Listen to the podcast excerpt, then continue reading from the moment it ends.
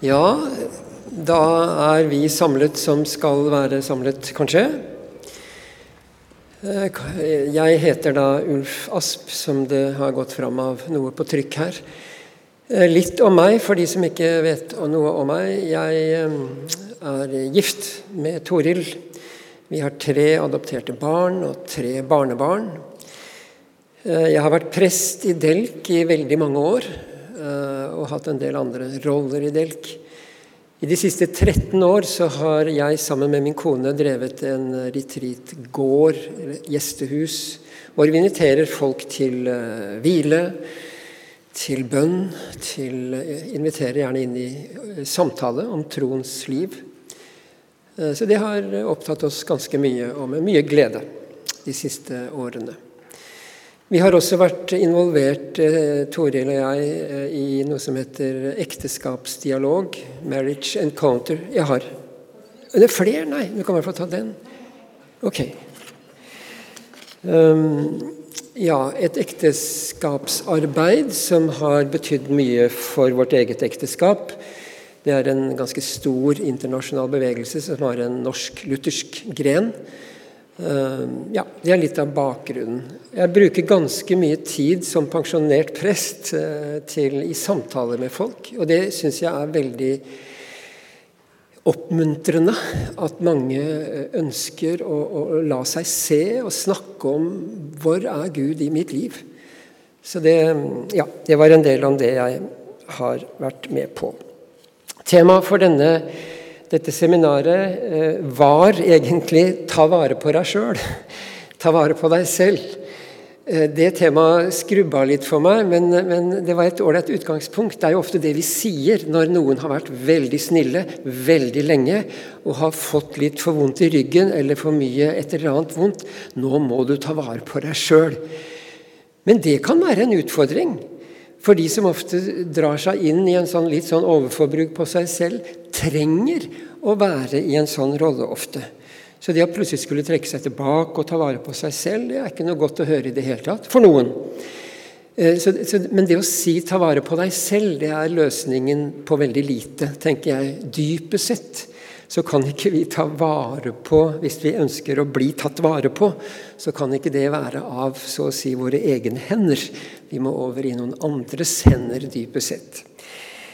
Ehm, men, men det er meningsfullt å, å liksom visitere det der litt, fordi, fordi, vi veldig ofte prøver nettopp på det.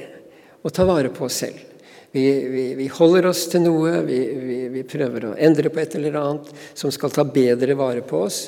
Og så erfarer vi jo noe av det vi hørte i forrige foredrag, at vi veldig snart erfarer at det fungerer jo ikke helt sånn, og så må vi videre til noe annet.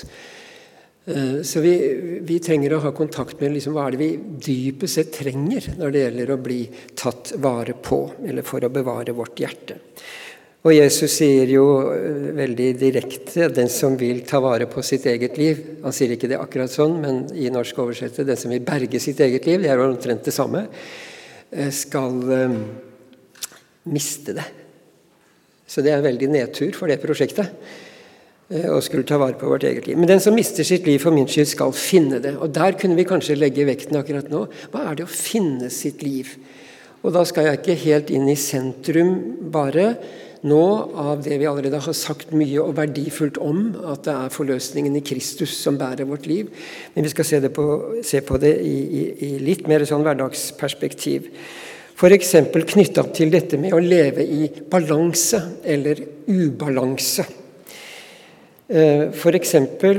Eh, kan vi veldig lett leve i en dårlig balanse mellom det å, å gi å, være i en posisjon hvor vi prøver å møte noens behov, eller å gjøre det vi, vi, som er jobben og instruksen, og det vi egentlig tar imot, og kan på en måte øse av som noe.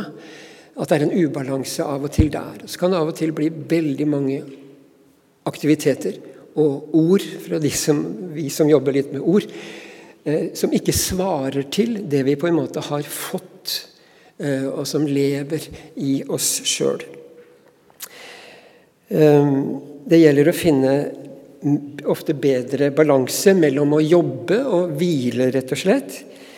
Når det ugjorte det som ikke har blitt gjort og skulle vært gjort, det blir ofte med hjem etter stengetiden, er sagt. Og er der og brer seg ut i våre sinn, og så sover vi litt dårligere. Eh, og så er på en måte hele dagen eh, hentet inn av noe som er ugjort. Og vi arbeider og slutter ikke å arbeide mentalt. Hvor hvilen har veldig trange kår. Eh, enda man legger seg på sofaen eller prøver å hvile eller finner på noe annet og adspredd seg, men kjenner egentlig ikke den dype hvile. Lete etter en balanse mellom arbeid og hvile. Eller balanse når det gjelder relasjoner, f.eks. mellom venner. Eh, det er ikke av og til vi har klare tanker om det, men det er ganske mange vennskap som er litt i ubalanse, ved at den ene snakker omtrent 85% av taletiden når de er sammen, og den andre 15 Og da blir det ganske ubalansert i et vennskap som kan være veldig sånn tett ellers, men som egentlig ikke blir det gjensidige i selve relasjonen. Og Det er nyttig å, å liksom kjenne litt etter hvordan en er i balanse når det gjelder relasjoner til de andre. Og så har vi dette med mer sånn grunnleggende mental balanse. Eh, noe kom bare ut. Det var ufint, det var aggressivt. Og etterpå Jeg var visst ikke helt i balanse. Og det er ofte helt sant, og på en måte helt greit og, og, og ikke liksom takle det og kunne framstå veldig ordentlig og skikkelig. Eh, fordi noe innabords ble for mye. Og så var en rett og slett ikke i balanse. Eh, og da gjelder det ofte å, å, å trygge rommet, så å si. Og, og, utgjøre det trygge ansiktet når noen har mistet balansen. Eh, men, men ja, Eh, vi skal komme tilbake til noe av dette etter hvert. Eh, I naturen er det mye ubalanse, og det lever vi med mange dystre informasjoner om for tiden. Men naturen er også et fantastisk eksempel på balanse. Nettopp balanse. Eh, skjønnheten, roen, livet på nær sagt makro- og mikronivå i naturen er bare et fantastisk sted og univers av balanse. Jeg kommer litt tilbake til det med tanke på vår egen balanse. Og så kan vi også tenke på jeg var så vidt innom det, aktiviteter. Mye aktiviteter. Annenhver kveld, nesten hver kveld. Eh, på den ene siden. Og tilsvarende modning, vekst, som knytter seg til det som ble aktivitetene, enten for deg sjøl eller for de andre som du var aktive overfor. Eh, lete etter balanse mellom det også. Mellom det aktive og det som har mer med det sånn biologiske å gjøre, nemlig vekst. Jeg snakker åndelig vekst. Eh, og for så vidt også mental vekst. Um, jeg var på en bibelcamp, dvs. Si Toril og jeg var sammen på bibelcamp. Det var før vi fikk barn. Det var i Danmark, uten at det er et poeng i fortellingen nå. Eh, vi hadde hørt en god tale, eh, evangelisk. Lov og evangelium tror jeg var ordentlig godt på plass. Og så ble vi invitert som norske gjester. da, Vi presenterte oss som det. og Inn i campingvogna til predikanten. Eh, dette var for 30 år siden sikkert. Og så er det fru predikant som uh, syns rimeligvis at vi skal drikke kaffe. Og, og, så hadde hun ikke bakt noen kake, sikkert, for det er ikke så lett å gjøre i en campingvogn. Men hun kom på ideen, og det var i en sånn hylle rett over uh, benken der hvor predikanten satt, hennes mann. Så hun strekker seg opp til uh, den der hylla et skap var det vel kanskje. Og så plundrer hun litt, for der var det litt mange ting. Så en kjekspakke falt rett i hodet på predikanten. Med den følge at han ble bråsint på kjerringa si. Og det, det, var ikke noe vakkert igjen i det ansiktet og i det uttrykket. Og han mista helt balansen. Eh, altså Det utviklet seg til noe voldelig, eller sånn, men det var bare et sånt kjempeskifte i stemning. Han var hyggelig, han var åpen, han var interessert i oss. Og plutselig var han bare aggressiv vendt mot kona si. Og han styrte det for så vidt ikke. Egentlig var det ikke det noe farlig. Det er ikke farlig å være sint. Men det er ikke veldig bra å, å, å ha et så ubearbeidet indre at en kjekspakke i hodet eh, endrer liksom dagens eh, humør på den måten. Så kanskje det kunne være et lite bilde. Hva er det som skjer når vi får kjekspakken i hodet? Eh, for det kan være veldig mange ting. Plutselig så skifter stemningen inni oss. Eh, vi gikk ut i dagen, vi var i godt humør, vi ville det som Gud ville. Eh, være glad i andre og mye sånt, og så er vi i en eller annen aktivitet. Og så skjer det et eller annet som gjør at annet så er vi inne i et helt annet spor. Vi kjenner oss triste, leie. Eh, kanskje blir vi sure på noen andre som, som ikke har gjort det de skulle. Og, og, og liksom du trykker dem litt ned inni deg. Eller motsatt. At du skulle nesten ikke vært til. Alt det jeg gjør, er jo så dumt. Den type følelse hvor vi enten drar oss sjøl altfor høyt opp og andre ned, og motsatt.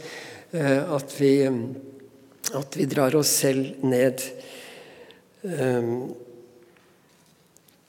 Når, når, Vi skal litt inn på akkurat det der. fordi når ting stopper opp for oss sånn, sånn mentalt i livet, eh, så kan det også være et signal om at vi i liten grad egentlig lever under nåden.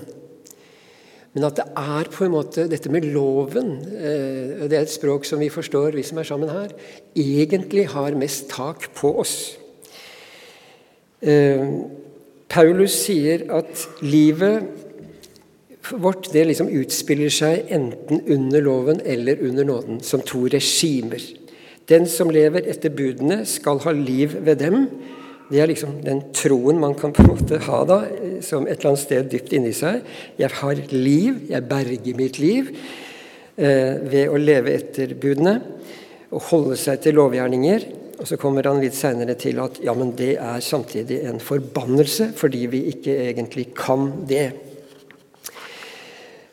Loven kan ikke gi liv, og hvis den kunne, så hadde det sånn sett vært håp. Men det kan den ikke. Og Når jeg nevner dette, så skal jeg ikke gå inn på det hos Paulus nå, men, men la det spille med nå. For psykologien virker det som har plukket opp en sannhet her som kanskje er mer allmenn enn som så, når det gjelder lov, evangelium, eller heller lov og nåde.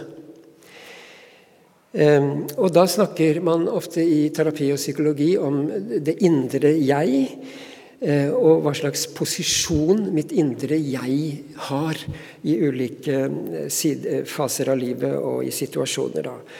Vi kan være i vi kan, vi kan, være i en sånn indre jeg-posisjon som kan være god, livgivende, åpen, smak av, av, av det fungerende.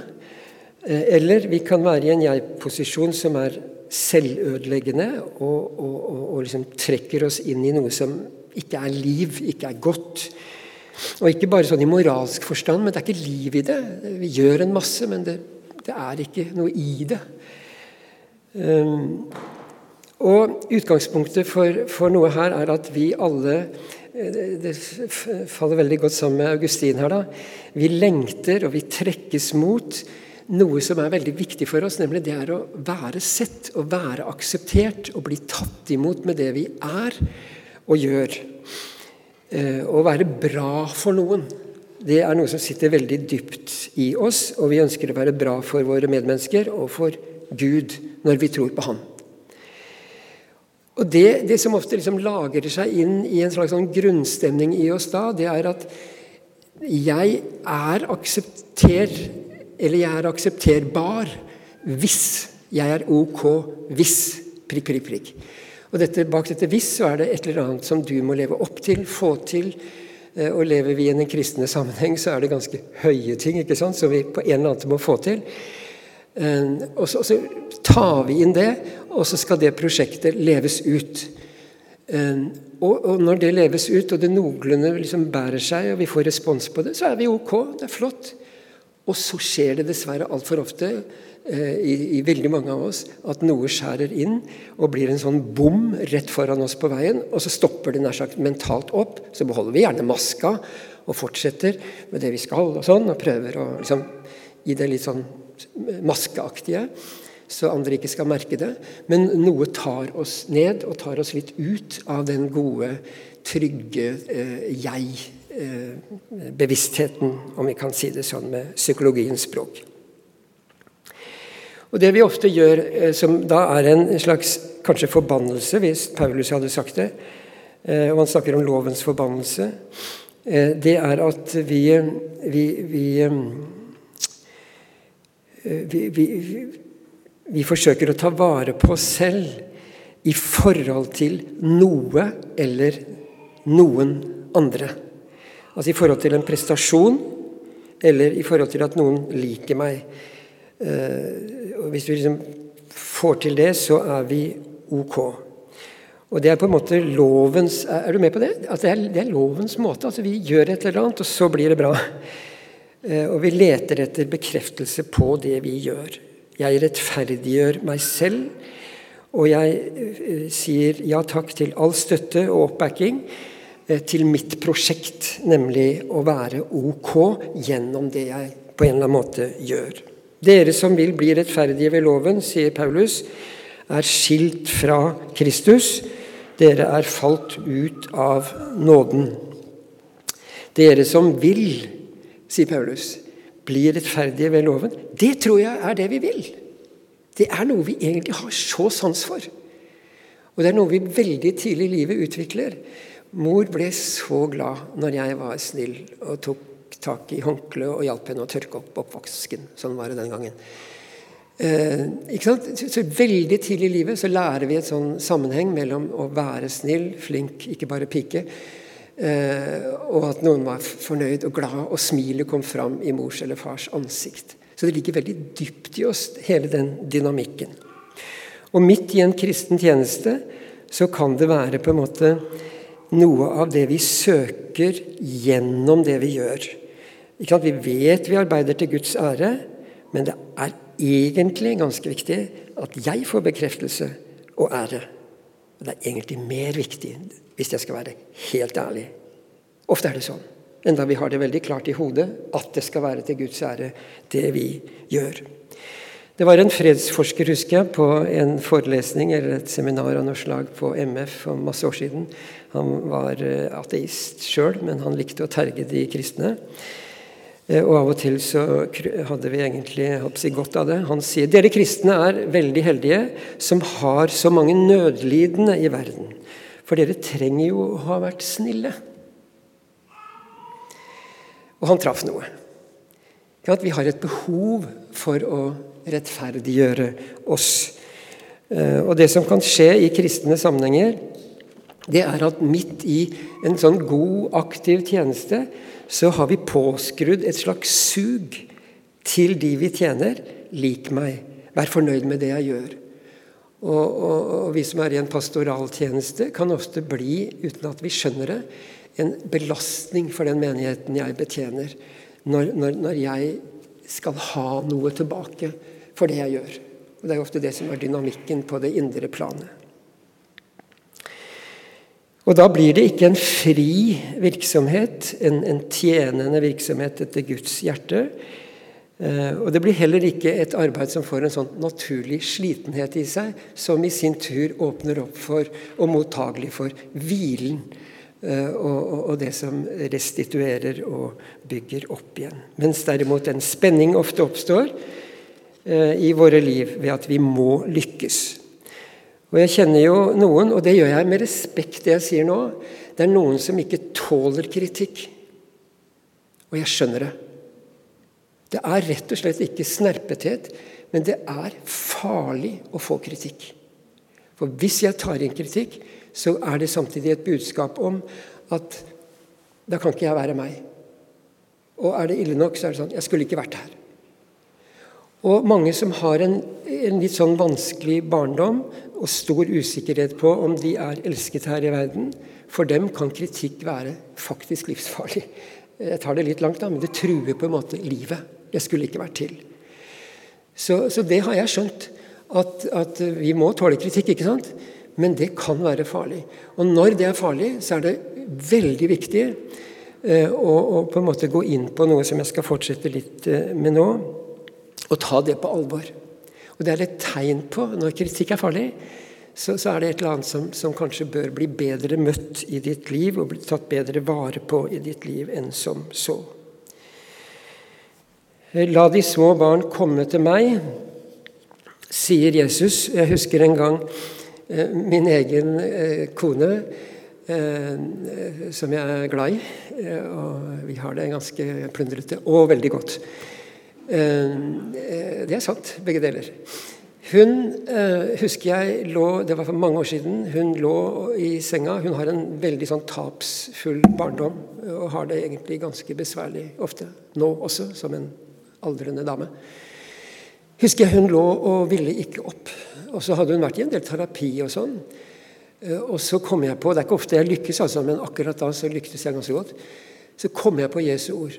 La de små barn komme til meg, sa Jesus. Sa jeg til Toril. Og det gikk rett inn på den kanalen det skulle. Hun hadde kontakt med et fortvilet indre barn.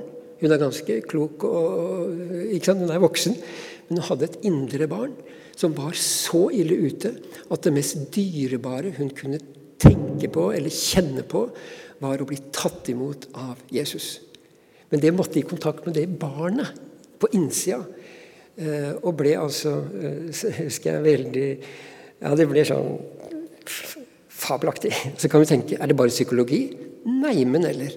Kristus lever. Kristus kan forholde seg til det som har skjedd i fortiden, og det vi bærer i oss, i vårt indre barn.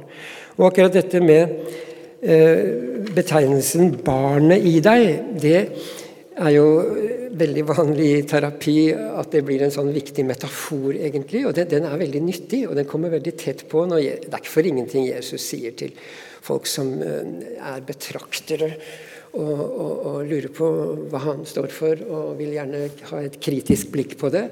At han kan si ved å holde hånda om et lite barn at hvis ikke dere blir som et lite barn, kommer dere ikke inn. Og jeg, lurer på om dette kommer veldig nært det som, som, terapien og psykologien egentlig har tatt veldig inn, nemlig den tanken om det lille barnet i oss. Det, ligger, altså det å, å, bli som barn er å være i kontakt med det som er helt blottlagt, det som er der innerst inne, og som ofte er formet gjennom Eh, vår egen livshistorie. Eh, og da er det viktig å spørre, tror jeg, om hva slags, eh, hva slags dommer, hva slags utsagn Vi kan være kjempegode på å ha forstått evangeliet, og samtidig er det andre budskap enn evangeliet som faktisk når vårt innerste jeg.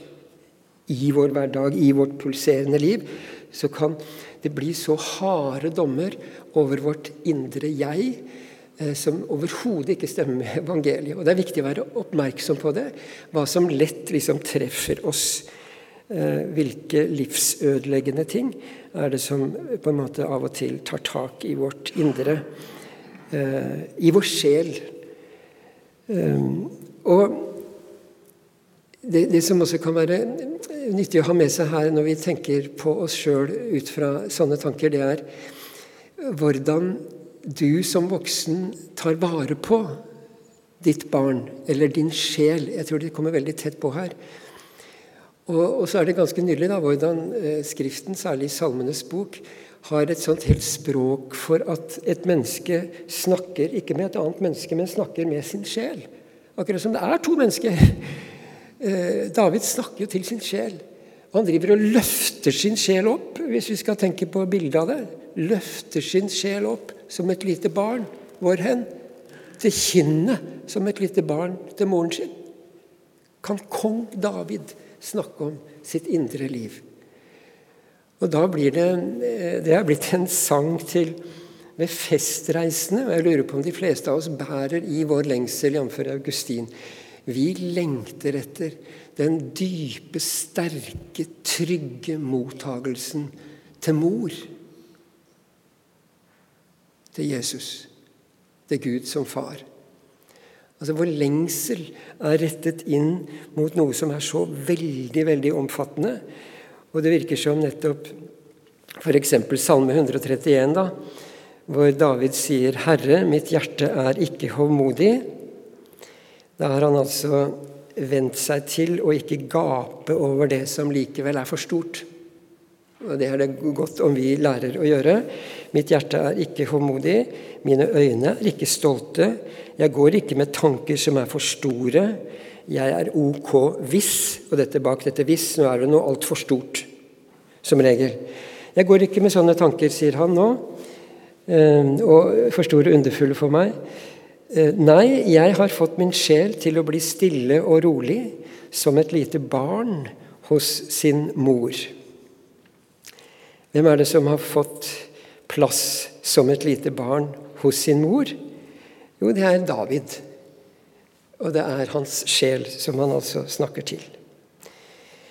Så han har anbrakt sitt indre, sin sjel.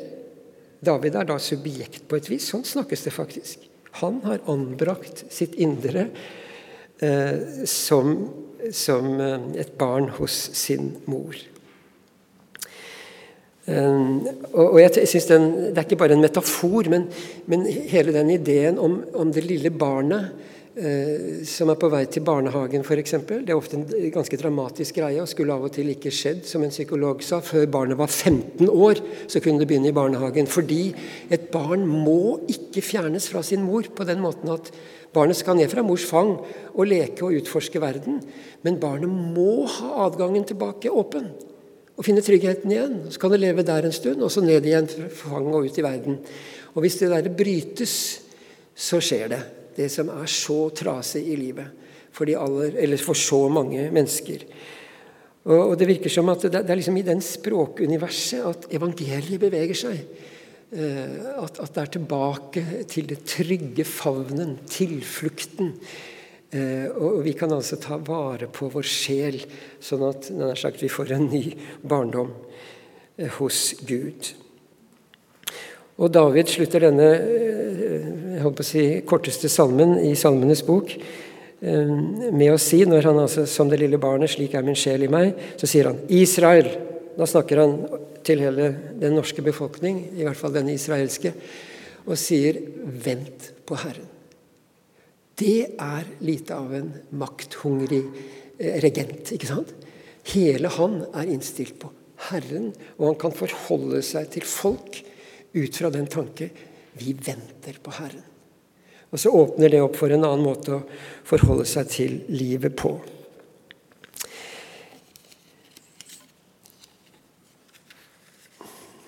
Det var for en stund siden at uh, Toril og jeg vi, Nå blir det mye Toril og jeg, hører jeg meg sjøl si, men uh, det får dere tåle.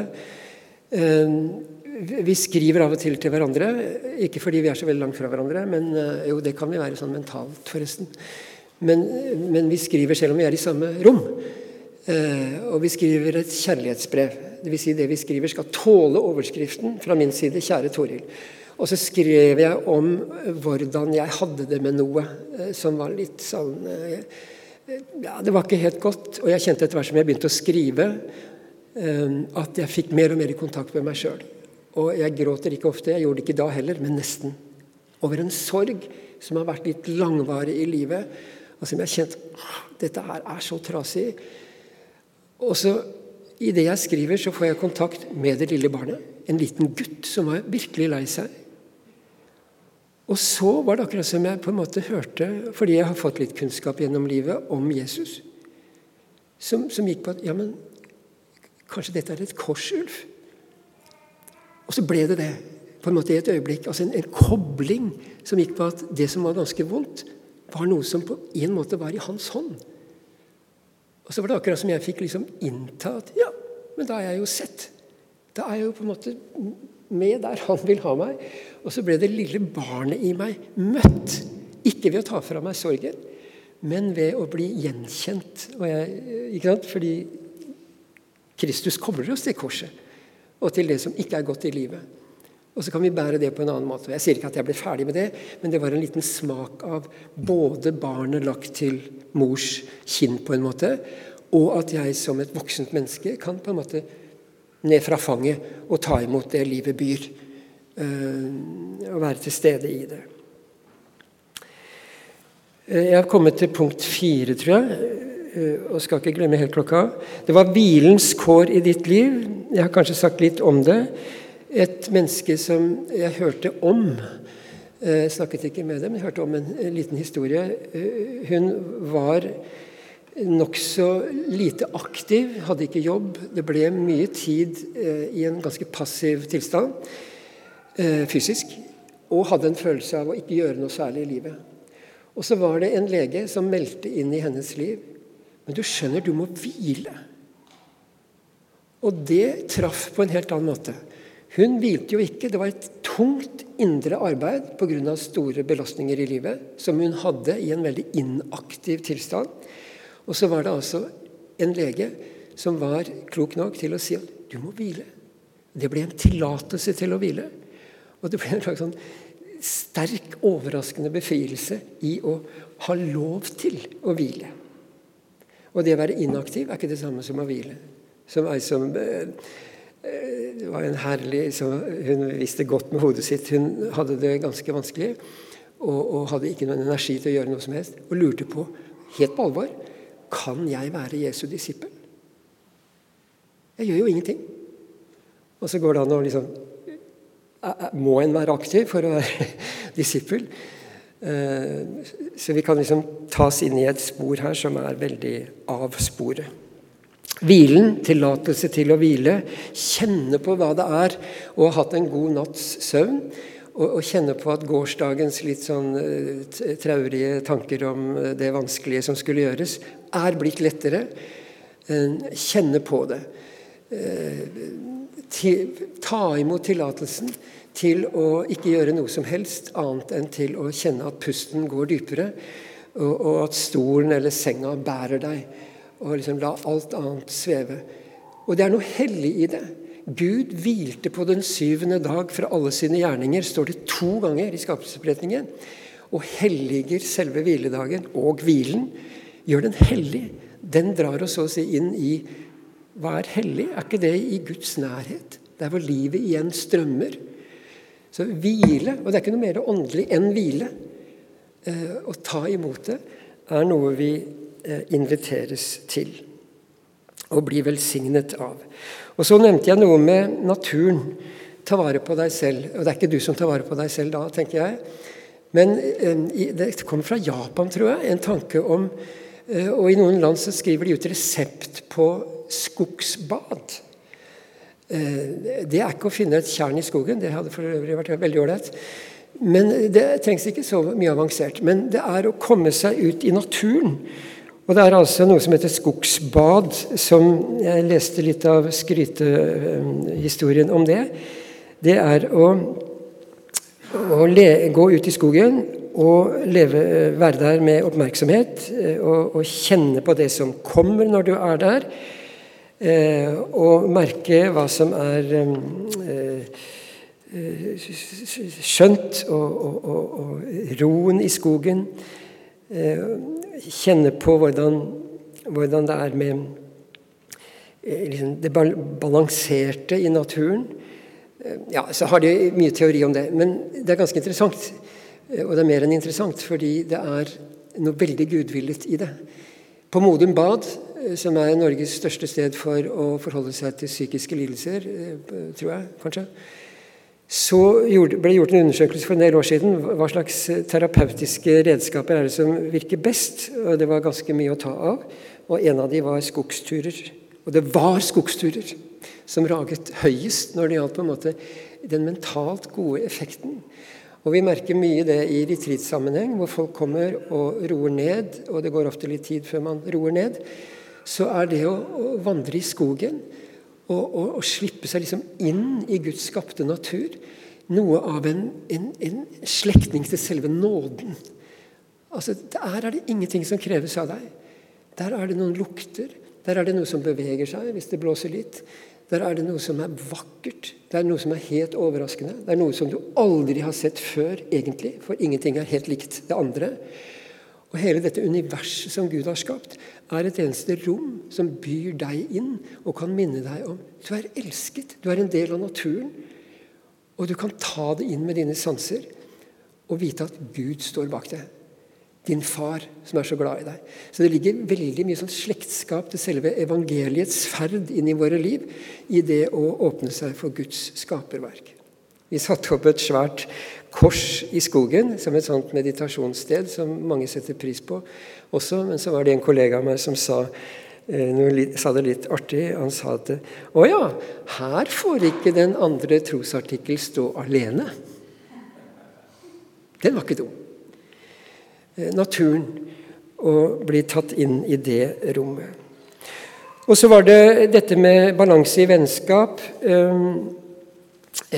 Ditt medmenneske. Her er det sikkert noen som er single, og noen som ikke er det. Eh, jeg tenker på uansett dette å verdsette vennskap, definere vennskap, eh, kanskje liksom være litt åpen om det. Er jeg din venn? Kan jeg være det? Altså, et eller annet med å, å, å slippe til dette med dyrebart vennskap. Og Da tenker jeg ikke bare på én og én, men i et større fellesskap. Og det å akseptere og være åpen for det å være et kjønn. Det trenger vi å si i disse tider. Altså Det at eh, gutter og menn værer noe annet når det kommer en kvinne og en jente inn i rommet, det er så flott. Det er så bra. Og det er ikke noe seksualisert i det. Det er, det er liksom spenningen mellom to kjønn på sitt beste. Sånn skal det være. Og i vennskap og i, i sammenhenger så liksom vedkjenne seg det, være i det.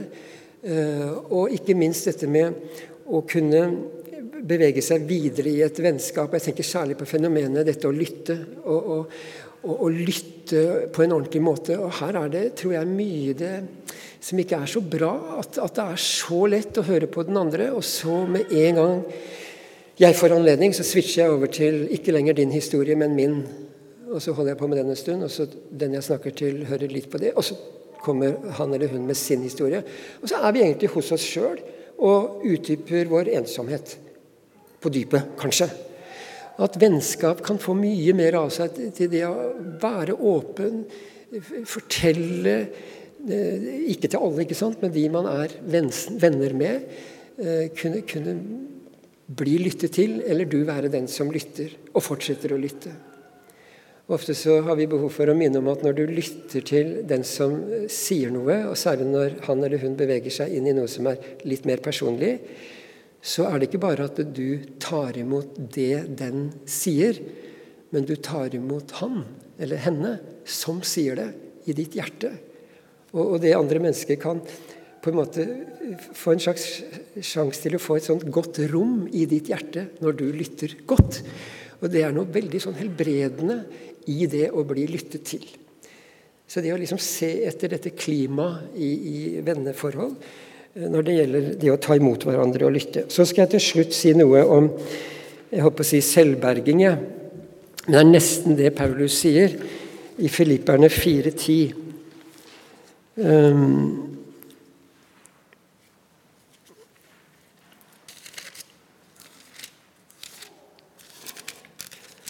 Fire, ti til 14. Der lyder det sånn. Det gleder meg stort i Herren at deres omsorg for meg nå Det er altså en hel menighet, eller ganske mange, kanskje, som har omsorg for han. Og han sier altså Det gleder meg stort i Herren at deres omsorg for meg nå skyter nye skudd. Dere har nok hatt omtanke for meg før også, men hadde ikke muligheten til å gjøre noe med det. Jeg sier ikke dette fordi jeg led nød, for jeg har lært å klare meg med det jeg har.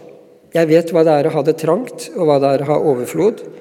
I alt og i alle ting er jeg innviet, å være mett og å være sulten, å ha overflod og å lide nød. Alt makter jeg i Ham som gjør meg sterk. Her sier Paulus at han er innviet, og han er selvforsynt, betyr det ordet egentlig mer direkte. Um, han sier at deres omsorg for meg Han har fått altså penger, han har blitt sett, han har hatt noen venner ikke sant, uh, som har reagert på at han har hatt det litt vanskelig. Og han er glad for det han tar imot. Så han har vært mottagelig for det, han har tatt imot det. Men så sier han noe som nesten er en liten nedtur, uh, må være. Særlig hvis de forventet seg noen sånn kjempedyp takknemlighet som liksom bare skulle øke og øke. Så sier han nei, men han led egentlig ikke nød. Enda det var veldig trangt for Paulus, sier han litt seinere. Han bruker ordet nød da, faktisk. Men han sier det. Jeg led egentlig ikke nød, for jeg har lært å klare meg med det jeg har. Den er sterk. Jeg har lært å klare meg med det jeg har. Da er det altså ikke en som ber andre, eller Gud, om han må ha hjelp, eller han må ha det annerledes enn han har det. Men han lærer heller å ta på en måte bolig i seg sjøl. Eh, han kjenner korsets virkelighet, og så har han lært seg å klare seg med det han har. Ikke bare lært seg, sier han, men han er innviet, ordinert, til å være en som klarer seg med det han har. Så virker det som Paulus kan fryde seg over et godt og kanskje litt overdådig måltid mat, og ha overflod. Og han kan ha det greit når han nesten ikke har mat på bordet, eller ingen venner å snakke med, eller hva det er som akkurat da er hans situasjon. Han har lært og tatt imot noe inni seg som gjør at det der bærer. Og En som hadde et litt sånn banalt bilde på noe her, det var hvor rart det er at 25 eh, tonn stål og plast på bakken plutselig kan løftes opp i lufta og til og med bli drevet framover. Er utrolig merkelig. Eh, prøv å få det til. Men de klarer det, flyselskapene. De putter inn i alt dette stålet og aluminium er det stort sett, eh, en motor som gjør at hele denne tyngden kan løftes opp, og vi kan sitte der og bli fraktet et eller annet sted. Flyet av seg selv. Det er liksom noe av det, dette språket betyr. altså Paulus har lært seg et fly kan av seg selv komme opp i lufta. Og dypest sett er det ikke av seg selv, for det er jo i Kristus, sier han. Det er Kristus i han. Så, så, det er et sånn aspekt av ikke å berge seg selv, men det er faktisk en slags ansvarlighet vi inviteres inn til også å bære når det gjelder hvordan vi forvalter det store, gode, vidunderlige Gud har skapt og gjort deg til, som du forvalter. Det var ett moment til som er plass til i de to siste minuttene. Det var tid. Når det gjelder tid, så lever vi jo i en brutal tid, fordi veldig mye handler om å få ting inn på kalenderen, og deretter inn på klokka, nær sagt. Og, og som en har sagt, vi eh, Gud skapte dager, måneder og år. Vi skapte minutter og sekunder og timer. Altså, og I Bibelen er det to det er flere, men det er to primære begrep for tid. Det ene er kairos, som betyr tid. Det andre er kronos, som betyr tid. Kronos betyr sånn klokketid, enda det ikke var så mye klokke da dette ble sagt i vanlig forstand. Men det er sånn målt tid. Eh, Kairos derimot er det Jesus sier 'Min time er ennå ikke kommet'. Så han på klokka? Var det kalenderen? Nei, det var ikke modnet fram. Og Kairos-tid er på en måte det vi inviteres inn i i Guds rike, tror jeg. Eh, eller tror jeg. Nytestamentet taler mye sånt. Og det å leve med sine rytmer, leve med det passive, så kan det bevege seg inn i noe kreativt og aktivt. Eh, en høne driver ikke og legger egg hele tiden. Eh, den legger egg av og til, og så ruger den av og til over et egg. Og det tar tid før et nytt liv. ikke sant? Så vi, vi er jo skapt inn i en sammenheng av passivt, aktivt. Og jeg tror vi i mye større grad når det gjelder å gjøre ting i menigheten og i grupper, så kan vi selvfølgelig sette oss sammen i en komité og bestemme oss noen for en visjon sånn eller en idé sånn, og sette det ned og lage en tidsplan og program og innen to år og sånn. Så er vi helt sånn kronos med en gang. Akkurat som verden rundt oss. Så venter vi ikke på at ting modnes fram, vokser fram, og vi kan kjenne på noe av at nå har Herren latt noe skje, og vi kan respondere på det, istedenfor at vi blir eh, altfor mye subjekt i det som lett skjer da. Nå er jeg ikke på lufta lenger, kanskje. Med det slutter jeg eh, dette som eh, jeg forsto det var et opptak, nemlig på tre kvarter. Og det er over nå.